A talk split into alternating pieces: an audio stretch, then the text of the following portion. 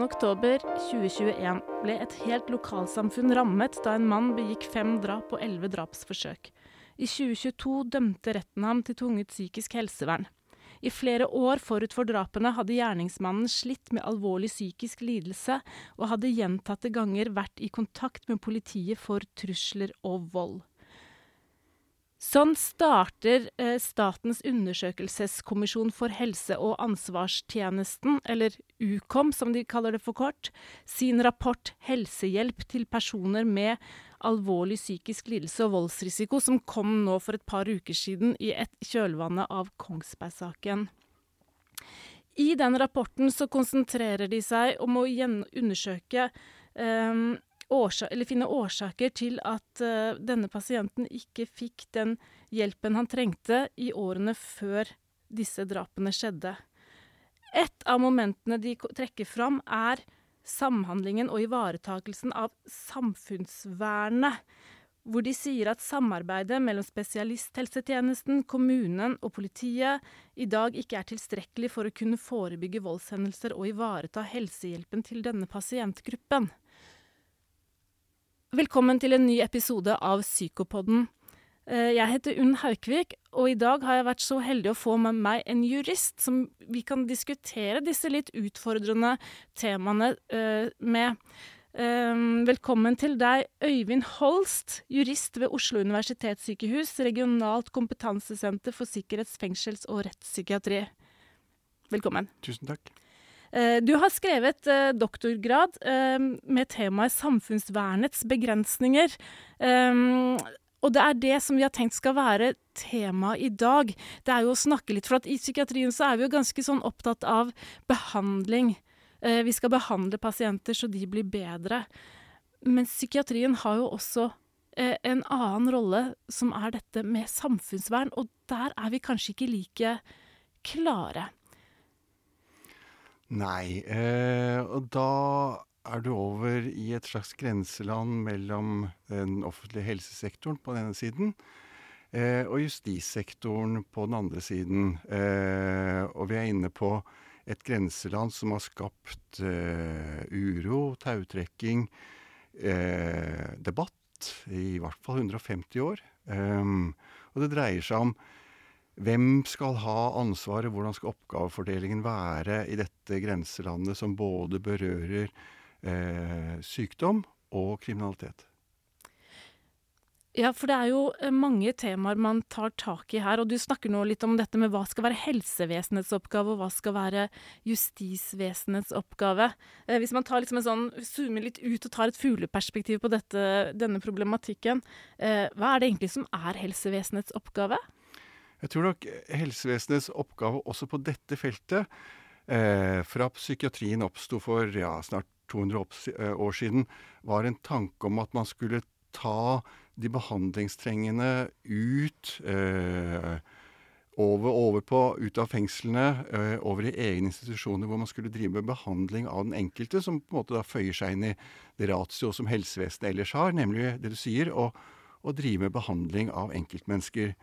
Eh, samtidig så har det også vært en forventning fra samfunnet, da, primært gjennom just, eh, eh, justissektoren, om at OK, eh, fint at dere tar denne oppgaven eh, med behandling, men vi forventer også at dere tar oppgaven med å beskytte oss andre. Og hvordan er det helsevesenet gjør det? Og det var et vanskelig spørsmål du fikk. Ja, hvordan gjør... Eh, dels må man nok ta utgangspunkt i at det er en oppgave som helsevesenet og psykiatrien i særdeleshet i stor grad har betakket seg for. Eh, som han har ønsket å avgrense mot, og sagt at det er ikke derfor vi går på jobb. Eh, vi driver med behandling av den enkelte. Eh, beskyttelse av medmennesker, det får være andres oppgave. Eh, og det er vel opp, opphavet til det som mange har kalt for asylsuvereniteten. Eh, nemlig den gamle retten eh, overlegene på institusjonene hadde til å si at til å bestemme hvem som skal inn og hvem som skal ut. Eh, som i stor grad var begrunnet i å demme opp for justissektorens behov.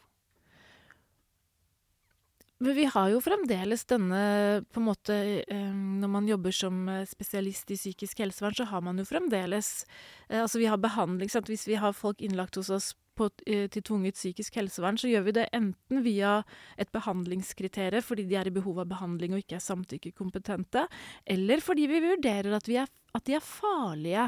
Mm. Sånn at den muligheten den ligger jo der i lovverket vårt sånn som det er i dag. Men er det sånn at helsevesenet ikke gjør dette i stor nok grad? Eh, nettopp. Eh, denne oppgaven har ligget på psykiatrien eh, lenge. Eh, samtidig så har det vært en, eh, en forventning utover eh, dette i, i, samfunnet der ute, og igjen da fremmet fra justissektorens side, om at dere har anledning til å legge inn dette farekriteriet, men psykiatrien gjør det i mindre grad enn det samfunnet forventer.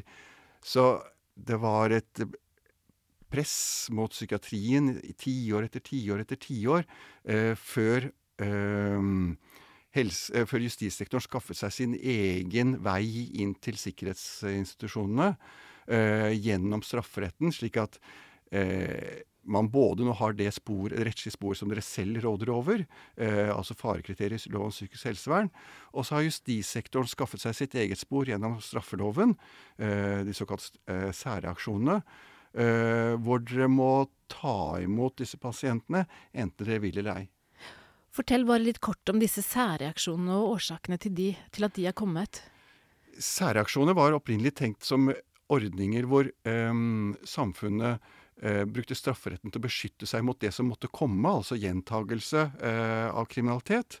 Etter hvert så har ordet endret betydning, slik at vi i dag i stor grad bruker det om samfunnets strafferettslige reaksjoner mot de som ellers ikke kan straffes. Altså man oppnår ikke samfunnsbeskyttelse eller samfunnsvern gjennom fengselsstraff, for disse kan ikke straffes. Eh, ergo så må man ty til andre virkemidler. Eh, og da blir det de såkalte særreaksjonene. Vi kan ikke nå dem gjennom straff, men vi kan nå dem gjennom straffere, eh, strafferettslige særreaksjoner. Og da, da, tenker du på en måte det som vi eh, på ikke-juristspråk kaller dom til tvunget psykisk helsevern, eller overføring til dom til tvunget psykisk helsevern, eller for noen overføring til dom til tvunget omsorg. Nettopp.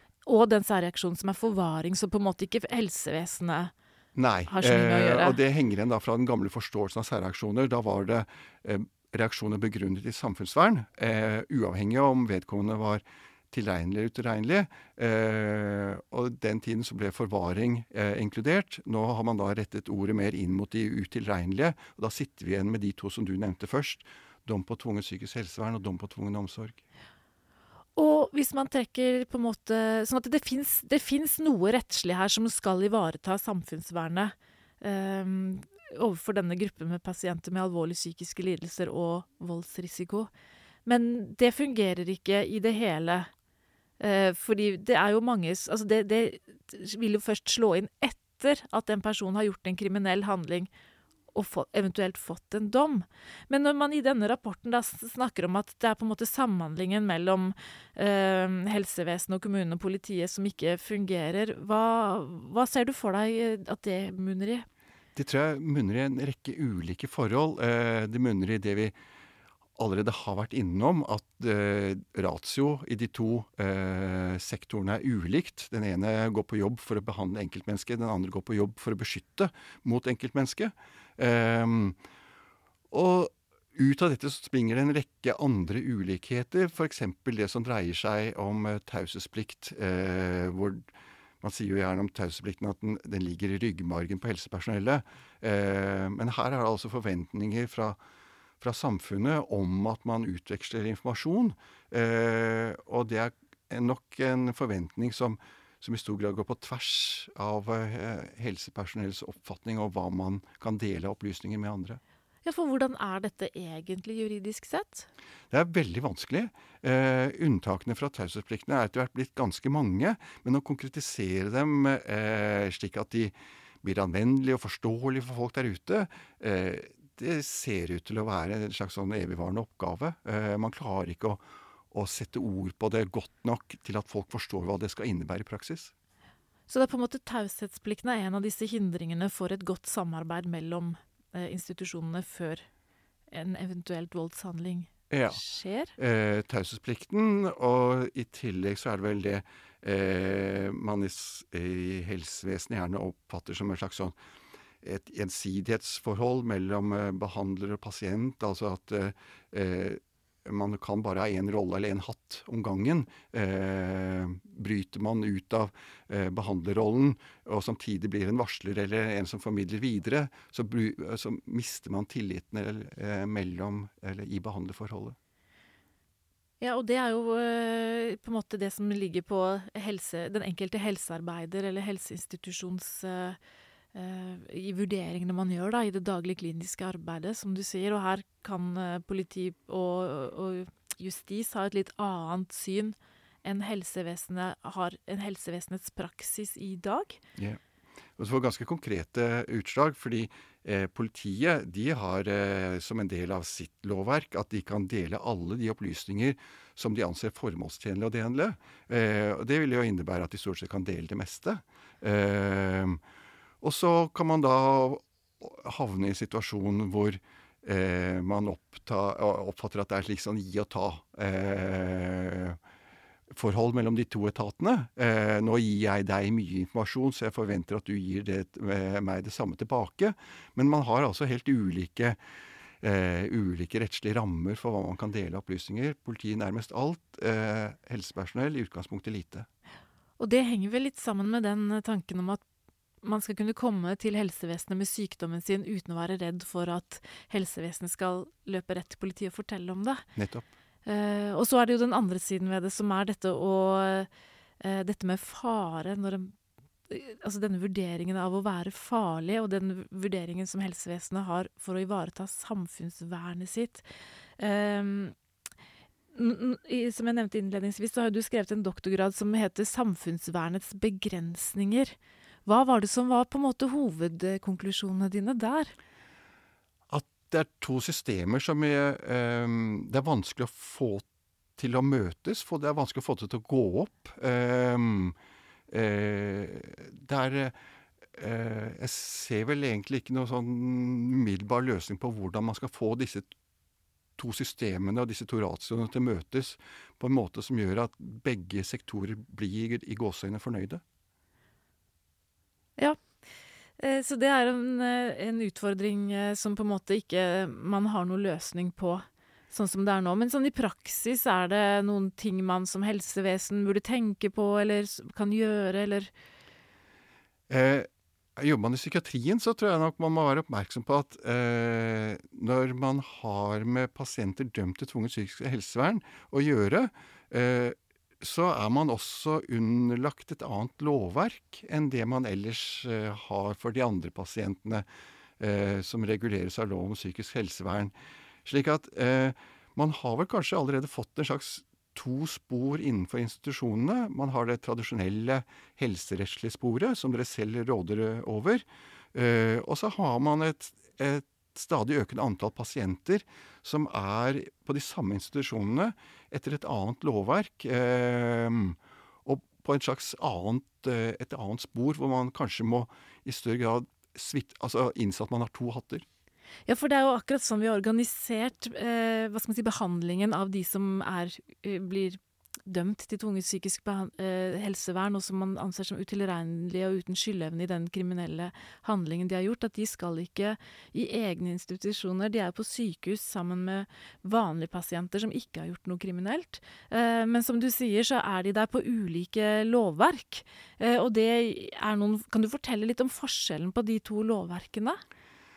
De to lovverkene er Eh, antagelig, tror jeg, mer ulike enn man umiddelbart skulle tro. Eh, jeg tror det er lettest for helsepersonell flest å forholde seg til lov om psykisk helsevern, for den, den, den, ligner i stor grad på det som ellers foregår i helsevesenet. Eh, men når man switcher over til eh, pasientene som er der etter strafferettens eh, lovverk, eh, så er det som nevnt en, en helt annen forventning om eh, at man går på jobb ikke primært for å behandle den enkelte, men man går på jobb for å beskytte de andre som er der ute. Og det innebærer en helt annen kontakt med justissektoren. Det innebærer kontakt med politi, påtalemyndighet, eh, domstoler. Det innebærer at eh, taushetsplikten i stor grad er tilsidesatt. Og det innebærer at man ikke man har ikke siste ord eh, når det gjelder disse pasientene. Det er andre der ute, eh, en helt annen sektor, som bestemmer når de skal inn og når de skal ut. Ikke sant? Så man kan ikke som overlege eller psykologspesialist på, på, posten skrive ut pasienten når man selv mener at han er ferdigbehandlet, han eller hun er ferdigbehandlet. Eh, justis må inn og vurdere mm. dette. Ja. Så det, det, legger en del føringer også på eh, et allerede pressa eh, helsevesen når det gjelder sengeplasser i psykiatrien. Ja, opplagt. Eh, og det man kan begynne å, å se konturene av, er stadig flere pasienter på et stadig færre antall sengeplasser, eh, som består av pasienter som er der av samfunnsvernhensyn. Eh, for, ikke fordi de nødvendigvis lenger trenger eller har nytte av behandling, men fordi eh, det er den måten man får kontroll på dem på. Ja, fortell. Du, altså det at de ikke lenger er i behov av behandling. Tror, nå er jeg jurist, så jeg må ta dette med alle forbehold, så du får bare korrigere meg. Men eh, for meg så ser det som om Um, for det første så er det vel noen av strafferettens pasienter som allerede i utgangspunktet har minimalt behandlingspotensial. Eh, men eh, likevel forventer strafferetten at eh, institusjonene skal beskytte oss andre. Eh, dessuten så er det en gruppe som man, eh, etter det jeg forstår, blir ganske godt behandlet etter hvert, og hvor institusjonene anser dem for å være ute av, ut av vårt om, område, eller uten hva, hva, vi har å bidra med, hvor de fortsatt blir værende eh, som i gåseøyne ferdigbehandlede. Men i og med at det fortsatt foreligger en risiko for andre, så blir også de værende eh, på institusjonsplassene. Ikke sant, For det du tenker litt på da, sånn som jeg hører deg, det er jo at eh, hvis en person er psykotisk, så kan man behandle det ofte med god effekt. Eh, og når psykosen da er borte, men personen fremdeles Og man på en måte er ferdigbehandlet for det som den uh, sikkerhetsavdelingen da kan mm. behandle. Så er personen kanskje fremdeles vurdert farlig av justis. Ja. Uh, sånn at samfunnsvernet må ivaretas et sted. Samfunnsvernet må ivaretas et sted, og det, det blir dere. Ja. Det er, sånn det, er, det er sånn det er organisert. Mm. Ja. Og det er, eh, det er, på en måte en utfordring for helsevesenet også, som da blir sittende kanskje med eh, to grupper pasienter, hvorav den ene, eh, som du sier, kan være ganske sånn ferdigbehandlet i forhold til det rent eh, medisinsk-psykiatriske som man får til å behandle eh, i en post. Og så har man andre pasienter. fordi det er jo sånn at når justis sier 'her kommer det en pasient' som er på dom, så må man jo ta imot. Eh, psykiatrien må ta imot. Eh, pålagt ved lov eh, å ta imot. Er pålagt ved lov å gjennomføre et behandlingsforløp. Eh, hvor man også ved lov er pålagt å prioritere samfunnsvernet framfor behandling i de tilfeller hvor de to hensynene trekker i ulik retning. Og Det kan da eh, veldig lett munne ut i at uh, man sitter igjen med primært et, en samfunnsvernkomponent og en marginal behandlingskomponent. og der blir de værende, mange av dem år etter år, til fortrengsel for andre som kunne ha i større grad nyttiggjort seg behandlingen, eh, men som ikke utgjør en risiko for andre. Ja, for det er jo der hvor vi har eh, Altså i dette helsevesenet og i psykiatrien hvor vi får færre og færre sengeplasser, hvor disse sengeplassene jo også er ønsket av andre pasienter som ikke har begått noe kriminalitet, som ikke er på, på, på dom, men som kanskje trenger en høyere høyere hva skal man si, sikkerhetstankegang eh, rundt seg enn hva man har på en eh, eh, mer åpen type post. Ja. Eh, sånn at de ikke får den behandlingen fordi de plassene er tatt opp av justis allerede. Nemlig. Så øh, øh, jeg syns det øh, over tid ligger an til på enkelte institusjoner at de, de ser ut til å rigge seg inn mot, mot strafferettens pasienter. I erkjennelsen av at de utgjør kanskje brorparten. De, et, eh, de, er på et eget lovverk som krever en spesialisering. Så man, så man velger å rette sin virksomhet inn mot eh, disse pasientene. Eh, og da har man vel i neste omgang kan hende eh, bakveien kanskje, fått en strafferettspsykiatri. Altså det vi søkte i utgangspunktet å unngå eh, ved å ha en overordnet tanke om at alle skal være under samme tak, er etter hvert eh, blitt den type psykiatri som vi ikke ønsket. Og det er jo, ja, som du sier, for det var jo et fint utgangspunkt i den tanken med at samfunnsvernet skulle ivaretas parallelt med en behandling, og at behandlingen skulle på en måte ivareta samfunnsvernet, kanskje, da. En sånn tanke om det, at får man til å behandle folk, så blir det ikke lenger, mm. vil det ikke lenger utgjøre noen fare. Mm. Eh, og så ser man i praksis at sånn, sånn har ikke dette instituttet fungert. Nei. Eh, de særreaksjonene vi har i dag, eh, ble laget eh, De var liksom skapt i, i grunnkonturene i 1990 eh, av det såkalte særreaksjonsutvalget. Og de baserte eh, denne utformingen på at eh, den sammenhengen som du peker på, nemlig god behandling er godt samfunnsvern. Så hvis vi bare behandler godt nok, så det ikke lenger, eh, utgjør det ikke lenger en risiko for andre.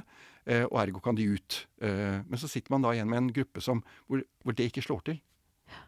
Og så sitter man jo igjen med, hvis man trekker det liksom tilbake til denne Ukom-rapporten og Kongsberg-saken Jeg vet ikke om du har lest denne i detalj, det har du kanskje. Ja. Eh, hva er det man tenker rundt altså at samfunnsvernet hvordan, hva, er det de sier rundt hvordan man kunne ivaretatt det bedre i denne saken? For dette er jo en pasient som ikke har begått noe kriminalitet.